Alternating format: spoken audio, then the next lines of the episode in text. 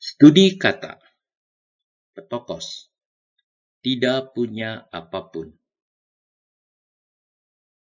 Petokos berasal dari kata petoso, artinya mendekam atau terpojok. Dalam Alkitab, petokos diterjemahkan dengan kata miskin. Misalnya, Matius 5 ayat 3. Berbahagialah orang yang miskin di hadapan Allah, karena merekalah yang mempunyai kerajaan sorga. Tetapi arti sebenarnya adalah tidak mempunyai apa-apa.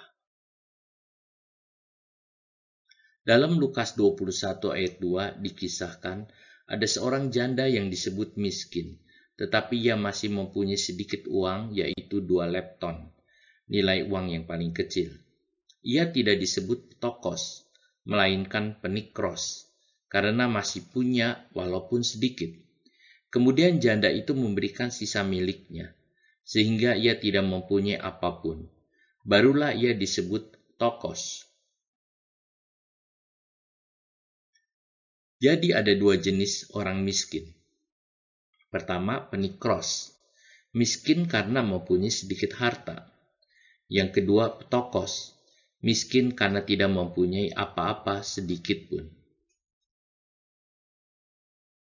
Dalam Alkitab tertulis ada dua jenis petokos satu tokos di hadapan Tuhan.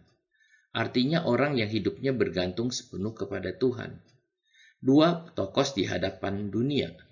Artinya orang yang hidupnya bergantung sepenuh kepada hal-hal duniawi. Kepada siapa orang bergantung, kepada itulah ia memohon dan berharap.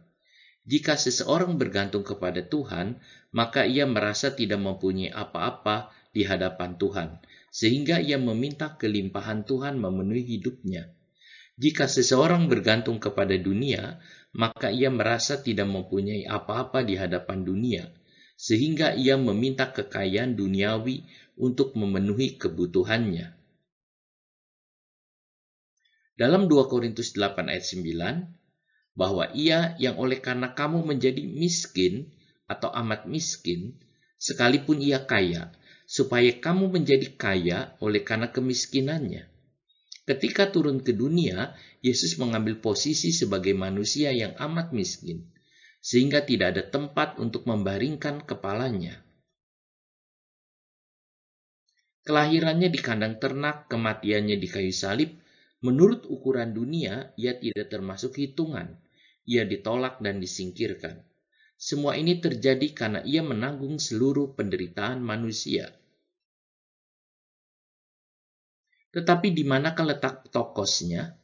Selama hidup di dunia, Yesus menggantungkan dirinya sepenuh kepada kehendak Bapa. Ia tidak pernah mengerjakan sesuatu tanpa izin Bapa. Yesus belajar menjadi hamba yang setia kepada Bapa di sorga. Ini berbeda dengan gereja Laodikia. Gereja ini menganggap dirinya kaya, hebat, tidak kekurangan apa pun. Tetapi Tuhan mengatakannya bahwa gereja ini amat miskin, buta, dan telanjang. Sebab gereja ini suam, tidak dingin, dan juga tidak panas. Betul, kata miskin di sini ditulis tokos, tetapi bukan kepada Tuhan, melainkan kepada dunia. Itulah sebabnya Tuhan hendak memuntahkannya. Allah memilih orang yang dianggap miskin oleh dunia. Jika saudara juga dianggap miskin oleh dunia, dianggap tidak tahu apa-apa, dianggap kurang pergaulan, itu tandanya Allah memilih saudara.